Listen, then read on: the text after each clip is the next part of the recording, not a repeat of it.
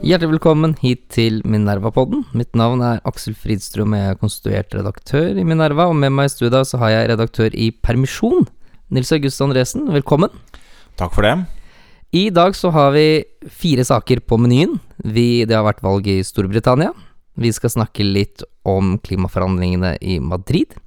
Vi skal snakke om NorthConnect, som er den eh, foreslåtte eh, kraftkabelen fra Norge til Skottland.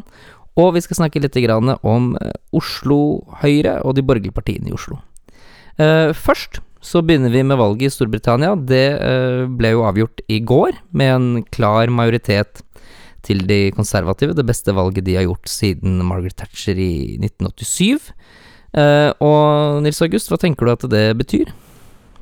Uh, det, det betyr flere ting, og her kommer man sikkert til å høre ganske mye ulikt. Man ser allerede i dag hvordan det har vært eh, spunnet veldig forskjellig.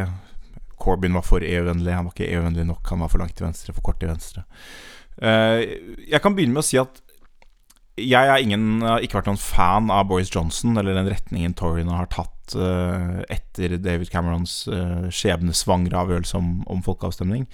Men allikevel så eh, er dette valget ja, en slags fornuftig konklusjon på den, det kaoset som, som har vært.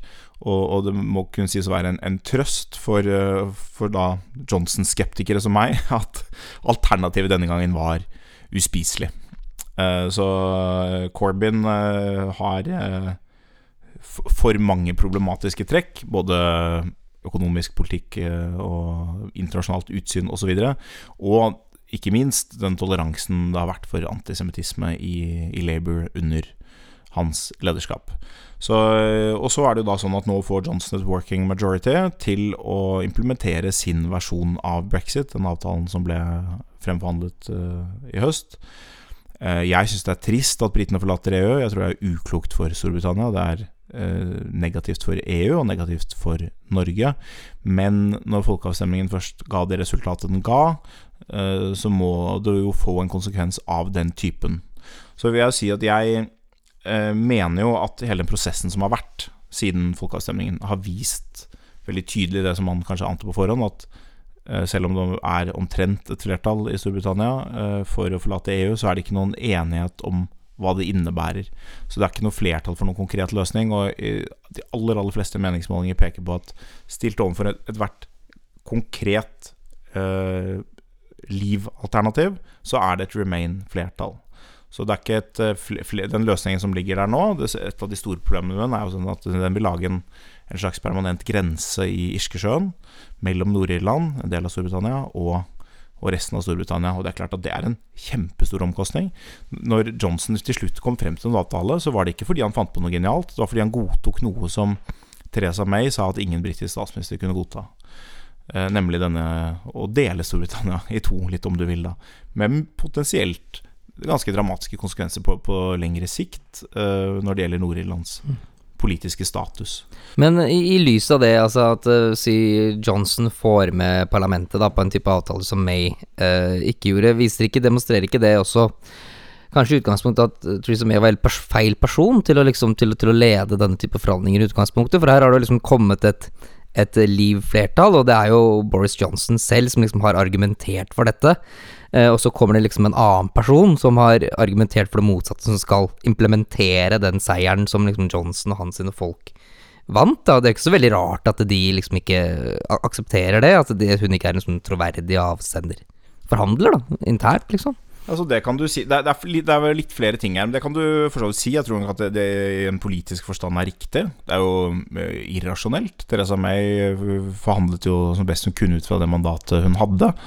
Eh, når Teresa May ikke kunne gå med på dette, så var det nok delvis fordi jeg tror Toryene, av de årsakene du sier, stolte ikke på henne, ville ikke vært klare til å stemme for det.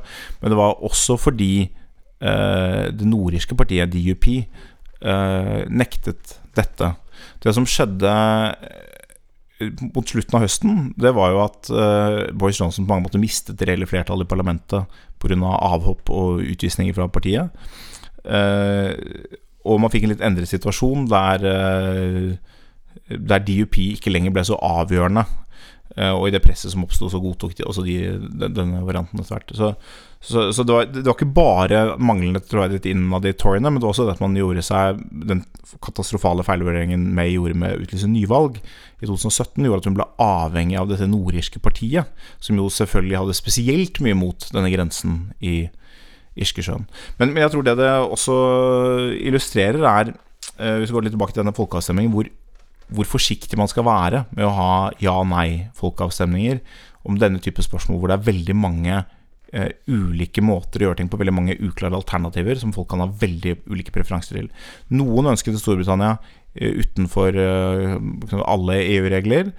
noen ønsket noe som minner mer om en EØS-løsning, men utenfor unionen. og alle de kunne finne sammen om å stemme nei, mm. men de ville ikke kunne finne sammen om løsningen etterpå, og noen av dem vil mene Mange vil, mente jo Det var en kritikk mot, mot Mays avtale at denne avtalen er jo verre enn EU-medlemskap, også for de som er mest uh, liv innstilt, fordi man da føler, litt som vi har diskusjonen i Norge, at man er bundet til EU uten å ha innflytelse, f.eks. Så, Sånn vil det nok i noen grad kunne bli fortsatt. Men, men, det, men jeg vil bare si ja. en siste ting der, og det er at det er Dette var argumentet for for så vidt den politikken der Labour gikk for, at man skulle ha en confirmatory vote, en ny avstemning, som har blitt av EU-motstandere har blitt rast mot, både i Storbritannia, men også i Norge.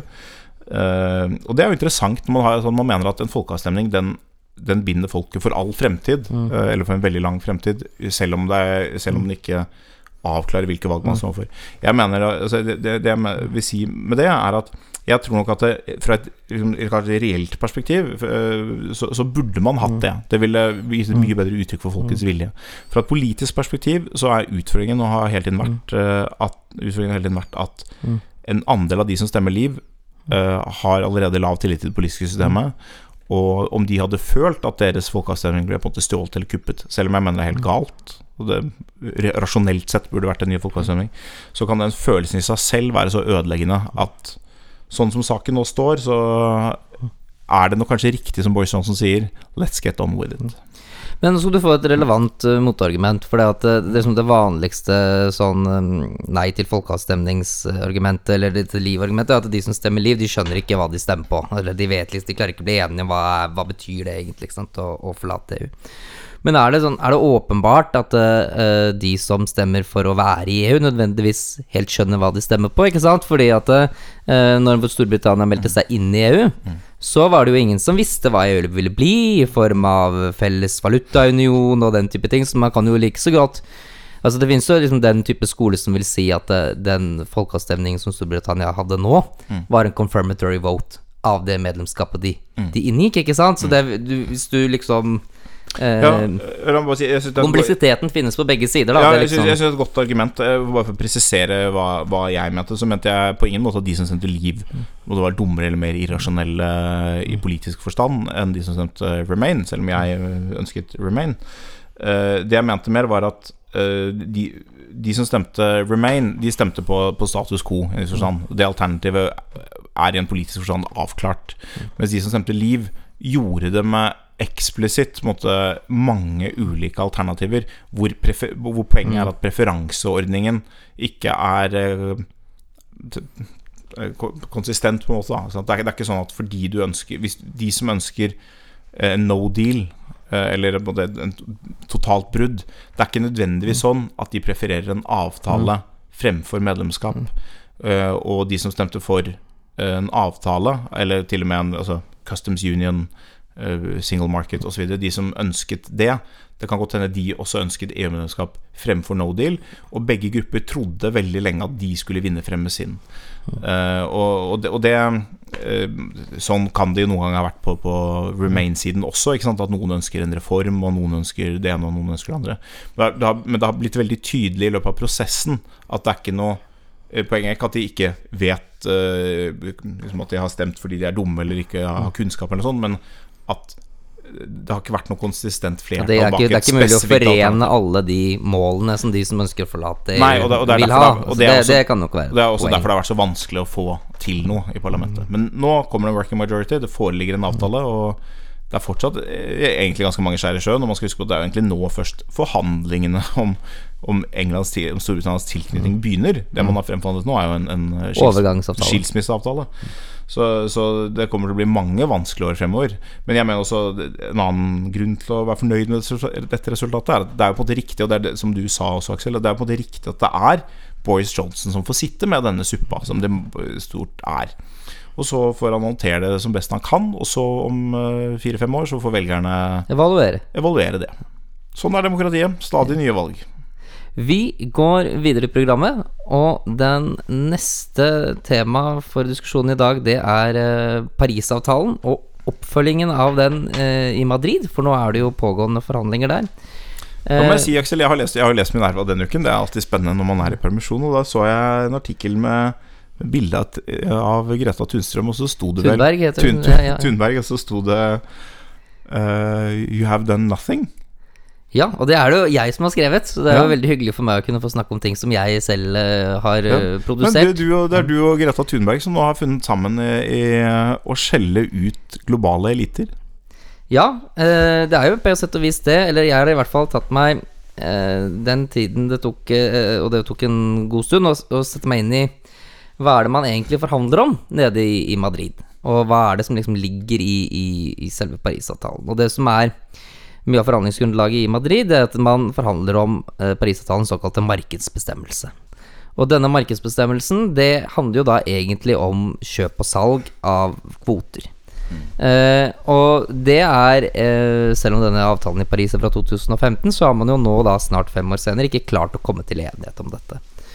Og det skyldes nok, tror jeg, at når man lagde Parisavtalen, så gjorde man det basert på et prinsipp om en slags konstruktiv tvetydighet. Mm. Som det er veldig lett å få, få til enighet i, f.eks.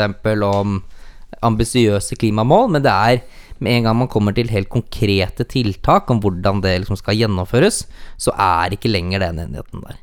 Eh, og det man ser når man da eh, går gjennom forhandlingene i, i Parisavtalen, så har den egentlig den tre ben som den står på. Det ene er jo disse nasjonale utslippsmålene. Men hvor det egentlig ikke er noe, noe pisk da som sier, hjelper, som sørger for at de som ikke når disse utslippsmålene, blir straffet eller får en oppfølging eller den type ting. Og nylig så kom det jo også en rapport som viser at med de nasjonale utslippsmålene som er, så vil man heller ikke nå målsettingen i avtalen. Så det, det, de nasjonale utslippsmålene fungerer i hvert fall foreløpig ikke sånn som de skal. Så ja, det andre biten, det er jo denne markedsbestemmelsen, karbonhandelsbiten. Og det har man heller ikke klart å få til enighet om. Og så er jo den tredje biten, hvor det er litt grann progresjon, men det er jo da på å yte bistand mm. til eh, utviklingsland. Men selv det er eh, lavere enn ambisjonsnivået i den avtalen. Og da blir jo liksom spørsmålet, mm. når jeg bruker Thunberg sin sitat 'you've done nothing', så er det nettopp at jeg peker på at det, denne avtalen er liksom veldig full av intensjoner og fluff og den type ting, men hvis du går ned og ser på Er det noe her som faktisk fungerer? Mm. Så er det veldig vanskelig å, å, peke på de tingene. For du, du skriver jo artikkelen, Aksel, og det er jo uh, Hva er det som er vanskelighetene med et sånt marked? Og det er jo et marked kan åpenbart være en god idé. Utfordringen her er at det, eh, hvordan strukturen på det markedet er, det har veldig stor betydning for en del viktige enkeltland på om markedet gir dem masse penger mm. eller ikke. Og De mm. to eksemplene du, du viser, er jo da eh, Kina og en del andre eh, asiatiske land, tidligere, tidligere fattigere land, som i Kyoto-avtalen. Mm mener at de har opparbeidet, slags, opparbeidet, seg et slags overskudd av, av kvoter de kan selge. Som de ønsker å ha med inn videre. Men i, i de såkalte CDM-prosjekter. Mens uh, motstanderne sier, og kan jeg, her kan jeg slutte meg til motstanderne, jeg har jobbet med CDM-prosjekter selv, at uh, her er det mye hot air, det er mye tomme kvoter som ikke, ikke kan si at dette er noen reelle utslippsreduksjoner, uh, eller tiltak for å redusere mm. utslipp. Uh, og dette er også da land hvor totale CO2-utslipp har gått mm. dramatisk opp siden mm. Kyoto-avtalen ble undertegnet. Så, så, det er liksom Poenget med disse CDM-mekanismene er ok, hvis vi iverksetter dette tiltaket, blir utslippet litt lavere enn det ellers ville blitt. Men det er ekstremt vanskelig å måle. Mm. Og det å nå ta med dette inn i den nye avtalen, så de kan selge disse kvotene og få masse masse penger inn uten å gjøre noe, det ville undergrave det det markedet, da. Eller det er i hvert fall Ja, altså, Det er motstandersynet. Men Kina, for Kinas del så er det jo sånn Her ligger det masse milliarder, og skal vi bare si nei til disse milliardene, ikke sant. Og det andre eksempelet du nevner, er vel eh, Brasil.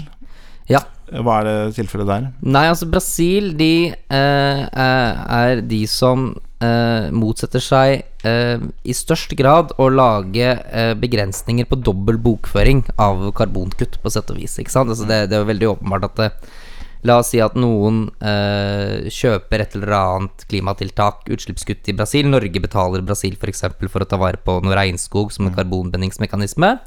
Eh, så mener eh, er det naturlig at hvis Norge da får den kvoten, og vi bruker det i vårt kvotebudsjett og betalt for det, så må jo da eh, Brasil sitt nasjonale karbonregnskap Det må jo da nedjusteres tilsvarende. Hvis ikke så eh, lager jo egentlig Brasil Trykker jo kvoter ut av tynn luft. Eh, Problemet er at Brasil allerede nesten gjør det i dag. ikke sant? Så Brasil de tar jo i dag imot masse penger fra liksom, særlig Norge, faktisk, men også andre industrialiserte land, for å eh, ta og verne om regnskog.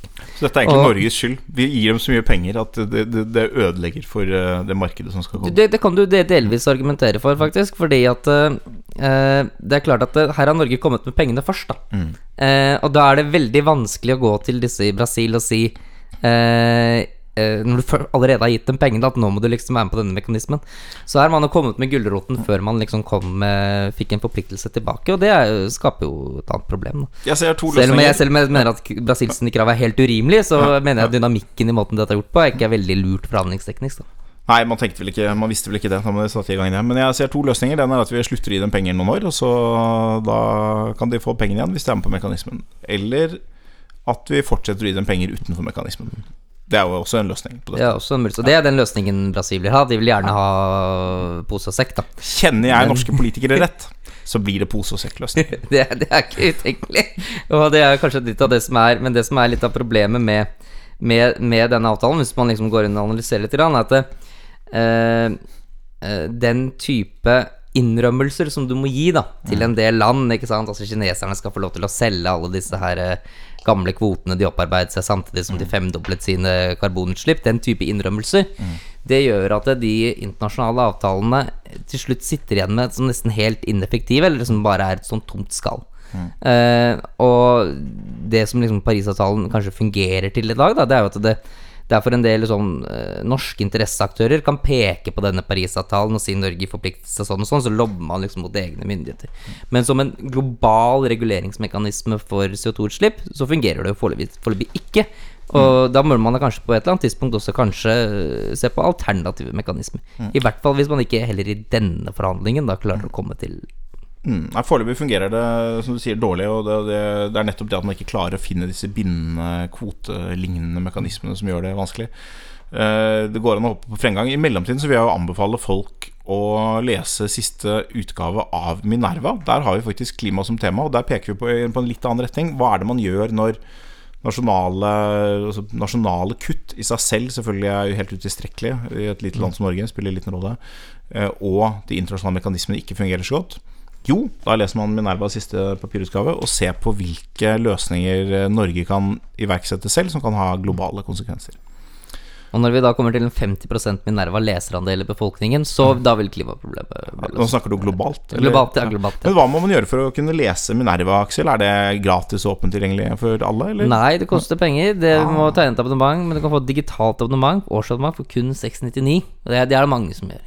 Det er veldig populært. Ja, ja, veldig populært. Ok. Vi kan vel egentlig klippe der, og så ja. Så du fikk satt på ny tid? Ja. Ok. Da går vi videre til neste tema, og det er eh, kraftkabelen NorthConnect. Mhm. Eh, der har Norges vassdrags- og energidirektorat De har kommet med en utredning som sier at denne kraftkabelen, som er en kabel som skal gå fra eh, Vest-Norge til eller Sør-Vest-Norge til Skottland, og da åpne for eh, eksport av ren norsk eh, kraft, eh, er samfunnsøkonomisk eh, lønnsom. Med da 8, omtrent 8,5 milliard kroner i samfunnsøkonomisk lønnsomhet over da analyseperioden som var på 40 år.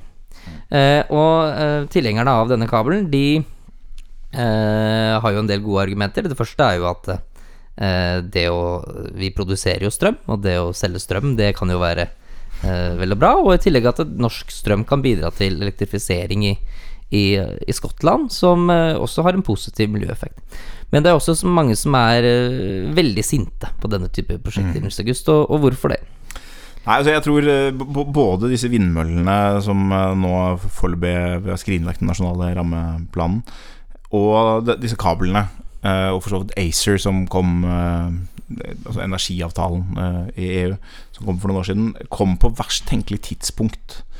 Eh, Jeg tror for, for 15 år siden så hadde disse tingene ikke vært kontroversielle på samme måte. Nå er de blitt veldig kontroversielle som en blanding av at de selvfølgelig har noen reelt negative konsekvenser, og at de kommer inn i en bølge med lite tillit til eh, EU og overnasjonale løsninger, eh, motstand mot en del klimaløsninger, spesielt det man har opplevd som symbolpolitikk. Og det som er synd i dette tilfellet, er at denne politikken er jo altså da samfunnsøkonomisk lønnsom. Jeg mener jo at i utgangspunktet at det er fornuftig i utgangspunktet å gjennomføre samfunnsøkonomisk lønnsomme prosjekter. Vi har har mer enn nok eksempler på det motsatte, hvor vi gjennomfører prosjekter som på ingen måte er samfunnsøkonomisk lønnsomme. Eh, eh, og de har en positiv klimaeffekt. De, og de bidrar til nettopp en, en hovedløsning teknologisk, eh, som altså er elektrifisering. Og da spesielt elektrifisering basert på ren energi. Så det er liksom strate en strategisk en riktig type retning å gå i. Ulempen med, eh, med denne kabelen, det er jo selvfølgelig at eh, det er ikke bare vinnere, det er noen tapere. Og taperne er eh, konsumentene i Norge. Husholdningene, eh, og for så vidt også industrien.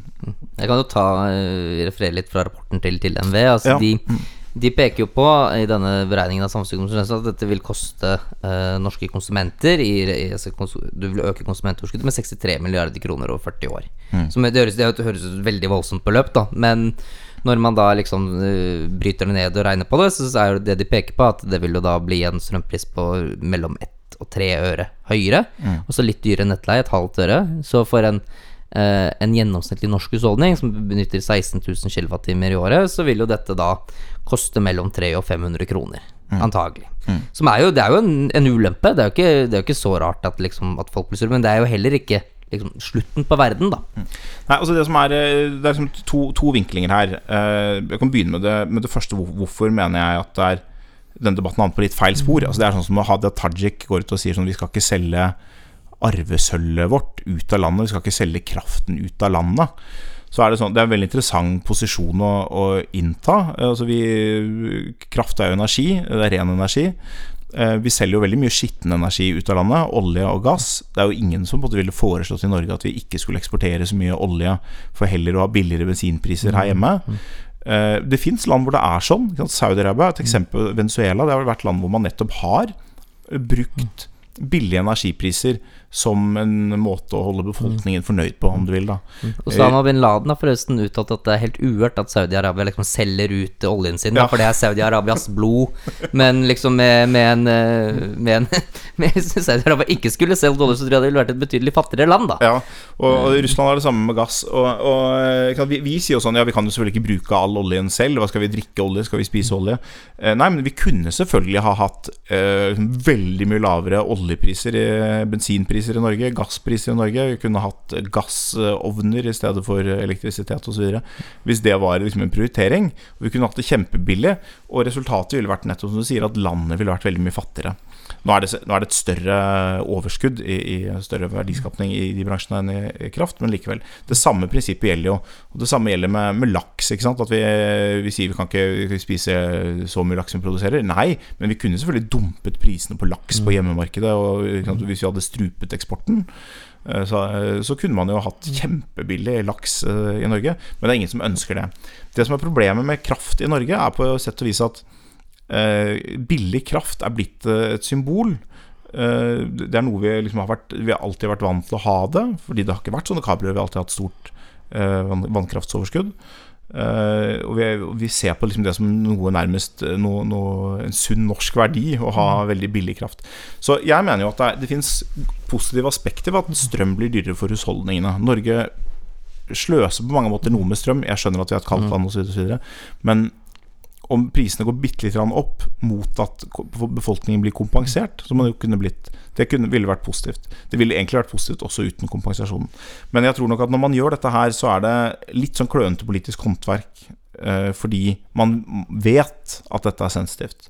Så hvis man vil ha det gjennom, og det er samfunnsøkonomisk lønnsomt, så er det mulig å kompensere taperne i noen grad ved å ja, det burde jo være veldig enkelt. Det kan man ikke bare Jan, Jan Are Solen, tror jeg, noen tror jeg tar til orde for det også i vår kommentarspalte. At mm. eh, det er jo bare å redusere elavgiften ja. tilsvarende den eh, prisøkningen. Så vil jo ikke konsumentene ja, merke sånn, det. Men da vil du likevel få den mm. eh, positive miljøeffekten. Og man må jo også legge til at, ikke sant, altså La oss si at det var umulig å eksportere norsk laks, da. Ikke sant? Fordi at man liksom ville ha billig laks. Men det som da ville først og fremst ville skje, det var at da ville vi jo aldri hatt oppdrettsnæringen. For oppdrettsnæringen er jo et resultat av mm. at norsk laks finner et større marked enn mm. kun Norge. Mm. Og det er også hele oljenæringen. Ikke sant? Hvis det bare var for å produsere til oss selv, så ville vi jo ikke produsert masse olje. Eh, men all økonomisk teori tilsier jo at det er lurt å produsere ting du er god på. Mm. Eh, og Norge, hvis Norge har et fortrinn når det kommer til kraftproduksjon, så bør det i hvert fall også tilsi at det bør være enklere å få den kraften ut. Ja, så Det som er eh, synd, er at disse tingene kommer litt i sammenheng. Vindkraft, eh, eksport, eh, ACER. Noen har en drøm, og jeg syns det er en fornuftig drøm, den er upopulær for tiden, men at Norge skal produsere ganske mye ren energi, eksportere en del, tjene mye penger på det. Det er en, en god og fornuftig økonomisk strategi som bidrar til å løse klimaproblemet samtidig. Uh, den visjonen har fått veldig mye motbør, fordi, man, fordi, vindmøllene har skapt mye lokal motstand. Isolert sett selvfølgelig helt forståelig lokalt. Uh, og så ser man på det for seg at det er en sånn storstilt utbygging besluttet av noen eliter i Oslo som skal tjene noen internasjonale investorer eller et eller annet sånn, uh, og bidra til et eller annet sånn grønt MDG-aktig byråkrater på elsykkelvisjon som man ikke kjenner seg igjen i. Så man har ikke klart å skape noe både oppslutning om den type ting. Jeg tror hvis man på en måte tenker det litt som man har tenkt med, med olje- og gassnæringen i sin tid, at det er, det er noen lokale miljøkonsekvenser potensielt i områdene der oljeplattformene er. Og så videre, Men vi har klart å skape en nasjonal stolthet i, mm. inntil nylig i hvert fall, uh, i at oljenæringen det har vært en norsk næring som, som har gjort oss rike, som vi har vært flinke til, som har vært teknologiutvikling. Om vi liksom kunne gjort noe lignende med vindkraft og eksportert det på en meningsfull måte, med en positiv historie rundt det, så ville det være en fornuftig ting å gjøre i Norge. Selvfølgelig med begrensninger for lokalt miljø. Eh, men det har vi ikke helt klart. Altså den, hele den saken her har, kommet, har man vært på defensiven nå i flere år. Og, og det er de tre sakene som man, man dels har prøvd å skille dem og si man trenger ikke å lage kabel selv om man vet det er ACER, som forstått er helt sant, men det, man ønsker også å bygge kabel. Så mm. blir man på en måte fanget litt i, i, mm. i sin egen argumentasjon. Så jeg tror man trenger å sette seg ned og å begynne litt på nytt med å, mm. selge inn disse sakene til befolkningen og få mm. folk med seg. Mm. For det er sånn det er med politikk. Man må ha folk med seg når man skal gjøre ting. Det tror jeg er helt riktig. Eh, og da skal vi over på neste tema, og det er borgerlig politikk i hovedstaden. Derfor. for der er det noen som sliter litt med å få folk med seg. Vi Magnus Nordmo Eriksson Haas han har intervjuet en mann som heter Otra Julsrud, som har skrevet bok om Oslo Høyre, med høyre hånd på rattet etter dem, som tar for seg eh, Oslo-partiets historie fra 80-tallet og frem til 2015. Mm. Og dette er jo en uh, periode hvor uh, Oslo Høyre er et veldig dominerende parti. Altså Det er jo nærmest en slags permanent posisjon, med unntak av uh, en periode der hvor Rune Gerhardsen var byrådsleder i, i Oslo. Uh, og i den perioden så har man jo fått til ganske mye. Altså Man har jo drevet uh, veldig mye byutvikling. Uh, man har i form av Fjordbyen f.eks. Man har fått løst mye køproblematikk. Det har vært mye utbygging av kollektivtrafikken.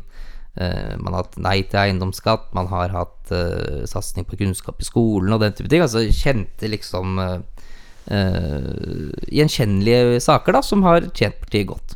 Men eh, nå har jo for første gang på ja, Det er veldig lenge siden, i hvert fall. Høyre klarte å tape, slår et klart borgerlig side. Klart å tape to eh, valg på rad. Mm. Og Nils August, hva er det du liksom tror at det skyldes? Vi hadde tenkt å stille spørsmål tilbake, men, eh, men eh, hvis man ser på bare disse valgene, så er det jo så er det ikke katastrofevalg for Høyre isolert sett. Eh, så noe av dette skyldes jo at man har fått en vanskelig koalisjonssituasjon. Fremskrittspartiet er blitt veldig svakt i Oslo. Eh, sine svakeste valg på, på lang, lang, lang tid.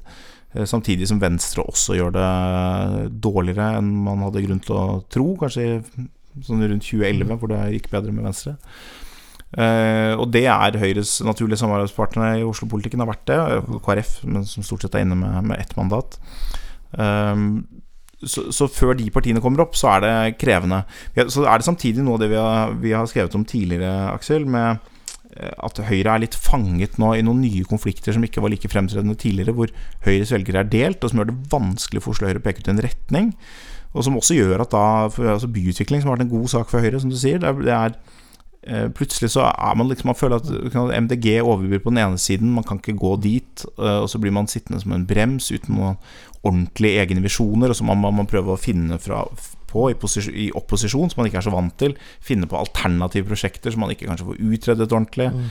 Uh, og så kommer man liksom bakpå, både på byutvikling og på, på andre spørsmål. Så, og, og, miljøpolitikken selvfølgelig da med bompenger og, og ting hvor man er splitta og ikke, ikke, klarer å finne en tydelig linje. Så det er liksom Høyres interne problemer på den ene siden, knyttet til nye konfliktakser, og samarbeidspartienes problemer, som delvis handler om noe av det samme, delvis om, om, om også dårlige dårlig ledelse over tid, mm. tror jeg. Oslo Fremskrittspartiet har, har, ikke klart å posisjonere seg godt. Så kan man jo også spørre om de partiene er så um, det, er jo et spørsmål, jeg vet ikke hva du tenker. Er det, Fins det, det, noe fremtid for eh, et større Fremskrittsparti i Oslo, f.eks.? Jeg tror det er ganske vanskelig, i så fall. Altså, de har jo Eh, Fremskrittspartiet har jo uh, ofte markert seg på at de er uh, Og egentlig de er jo egentlig preget av en, enda større intern konflikt, for de er et parti som har markert seg på at de er for bil, egentlig. Mm. Og så er de liksom negative til innvandring. Men hva hvis de som er mest for bil, er de som er innvandrere? Da er det ikke så veldig lett å, å, å lage parti, ikke sant? Så de har jo kommet i en, i en, en, en litt annen spagat som gjør at det, det, er veldig vanskelig for dem å, å navigere.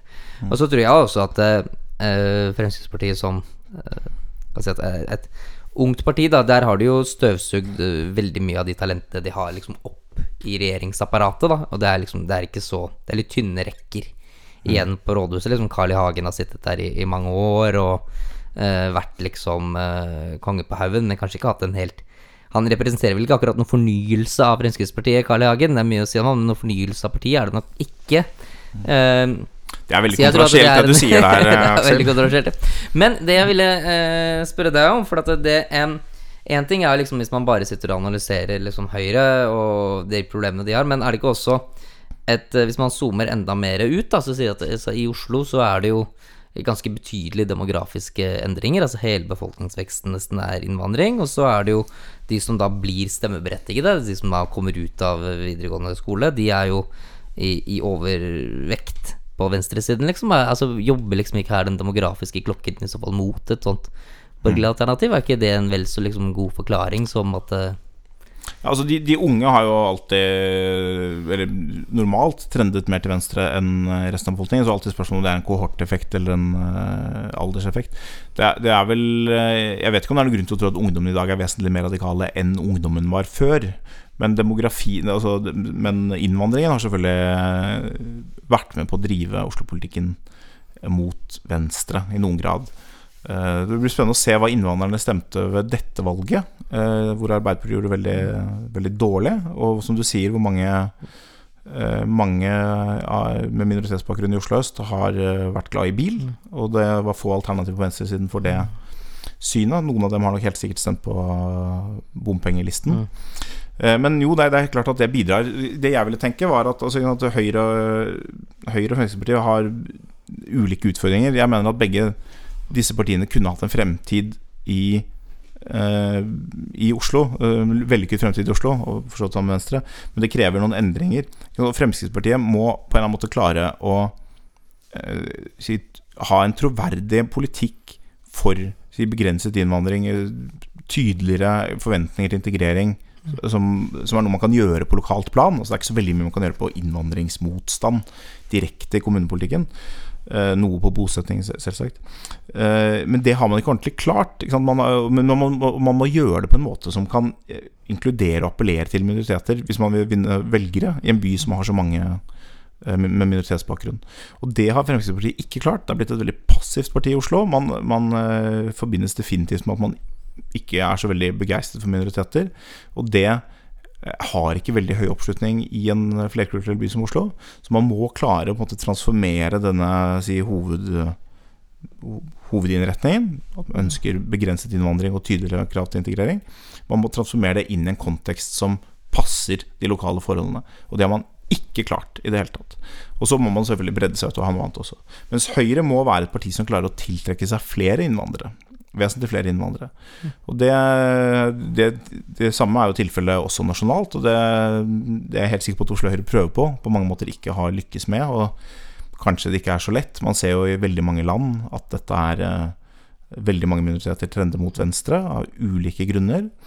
Eh, både økonomiske og kulturelle. Men, eh, men må, det, vil være en helt avgjørende utfordring for Oslo Høyre fremover, hvis man skal kunne unngå, hvis man skal unngå å bli en permanent opposisjon. Da. Avslutningsvis, eh, tror du at hvis Oslo Høyre liksom ønsker å unngå å være denne permanente opposisjonen, at de er nødt til å gjøre Frp til den permanente opposisjonen? Altså å ta dem ut eventuelt liksom av Altså bytte samarbeidspartnere? Ja, altså ja. Si MDG, hvis man, hvis man f.eks. skulle samarbeidet med MDG, da, det er vanskelig å se for deg at MDG og Frp sitter i et byråd sammen. Det er vanskelig. Erstatte Fremskrittspartiet med MDG det kommer nok litt an på MDGs utvikling eh, også i Oslo. Jeg har forstått ment på et prinsipielt plan at Høyre burde kunne samarbeide med MDG, i den forstand at eh, MDG er et parti som er tuftet på én sak, klimasaken, eller hovedsak på en sak. Eh, og den saken er viktig, og sånn sett så er det Kunne man finne løsninger der. På den ene siden, sett fra Høyres perspektiv, og fra MDGs perspektiv, så var man, i hvert fall for noen år siden, veldig opptatt av at man skulle være reelt og genuint blokkavhengig og villig til å kompromisse langt til, på, på, mange områder som ikke handler direkte om klima. Fordi det er jo helt avgjørende hvis man skal kunne være, eh, som et lite, fortsatt relativt lite parti, eh, være en maktfaktor på det, det, området man bryr seg om, nemlig klima. Da må man jo kunne eh, stille ultimatum på, på, på helt spesifikke punkter, og dermed være villig til å gi seg på andre ting, sånn at man faktisk reelt sett kan støtte det, den blokken som tilbyr mest. Da. Det, eh, det var en god idé så lenge MDG var liksom helt utenfor all eh, posisjon. Men det har blitt vanskelig og vanskelig etter hvert som MDG har sittet lenge i posisjon og identifisert seg mer og mer med de rød-grønne, og da ført mange valgkamper mot høyresiden. Eh, spesielt lokalt, men i noen grad også nasjonalt, selv om man ikke har vært i posisjon hvor man kanskje tenker seg inn i et fremtidig rød-grønt samarbeid. Så hvis ikke MDG klarer å måtte dyrke sin egen blokkuavhengighet som noe reelt, og ikke bare noe retorisk, eh, så vil det være vanskelig. Men uh, i prinsippet så mener jeg at det er altså, Da må vi se for oss MDG som i dag ikke liksom, helt eksisterer. Uh, I prinsippet så mener jeg at den type samarbeid godt kunne vært uh, gjennomførbart hvis man liksom ser på hele MDG som raison d'être, at det er, det er, et parti som skal ha det som et helt klart uh, kjernefokus og uh, viktigste sak, hvor man er villig til å Man tar de løsningene som gir størst klimakutt, og man er villig til å ja.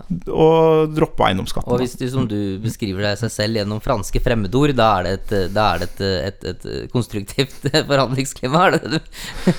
det vi håper det. Ja. Ok, jeg tror vi takker for i dag. Ja, men vi er vel ikke helt ferdige ennå, Aksel. Fordi eh, vi må kanskje eh, Jeg lurer litt på dette med Har vi ikke en aksjon gående når det gjelder eh, Minerva som julegave? Nei, vi har en kampanje denne uken, men til neste uke så kommer vi til å kalle det aksjon. I håp om at det da vil nå ut til flere. Ja, jeg tror det kan være, være klokt. Kanskje til og med demonstrasjonstog. Uh, og det vi, da vi demonstrerer, hva er det vi vil ha? Og når vi vil ha det? Vi vil ha flere abonnenter. Når og, vi, og, når vil vi ha det? Til jul. Til jul, ikke og, helt riktig. Eh, ja. Måten du kan bidra i denne aksjonen på, det er å klikke deg inn på Minervas sider. Og gå inn på der eh, hvor vi har et banner hvor det står at juletilbud. Det koster 499. Mm. Og da kan du kjøpe Minerva digitalt årsabonnement til alle du kjenner. Det er veldig enkelt. Du mm. bare fyller ut deres navn eh, og deres e-post, og oppgir din egen e-post, slik at du da blir betaler. Og så slipper du da å stå i lange køer inne hos bokhandleren eller leketøysforretningen, for da har alle dine i din vennekrets fått Minerva til jul. Jeg vil så bare nevne noen av de store fordelene med å gi bort Minerva til jul. Det er at du slipper å tenke på hva du skal gi, og for bare 499 kroner Litt dyr gave, kanskje, men tenk på tante, altså, til tante Tutta, f.eks., eller uh, onkel Halvor, eller noe sånt. Så er det en, omtrent en riktig pris. Det er veldig sjenerøst. Det er en veldig fin gave. Uh, og så slipper du å tenke mer på det. Du slipper dårlig samvittighet, og du har gjort en god gjerning for, uh, for, for selvfølgelig tante Tutta, for Minerva, for nasjonen og for, for verden. Og samfunnsøkonomer de har jo regnet ut at hvis alle i Norge eh, sparer ti timer på å kjøpe Minerva, utelukkende Minerva julegave til alle de kjenner, og istedenfor å stå i kø i butikken, så vil det oppstå en samfunnsøkonomisk gevinst på flere milliarder kroner. Så det er, et, eh, det er bare en gave som gir og gir. Jeg kan bare si, bare si det også at det er en utregning Hvis du har abonnement i 40 år, så er det et konsumentoverskudd på 63 milliarder kroner som nuller ut hele tapet ved NorthConnect. Og med det så avslutter vi podkasten.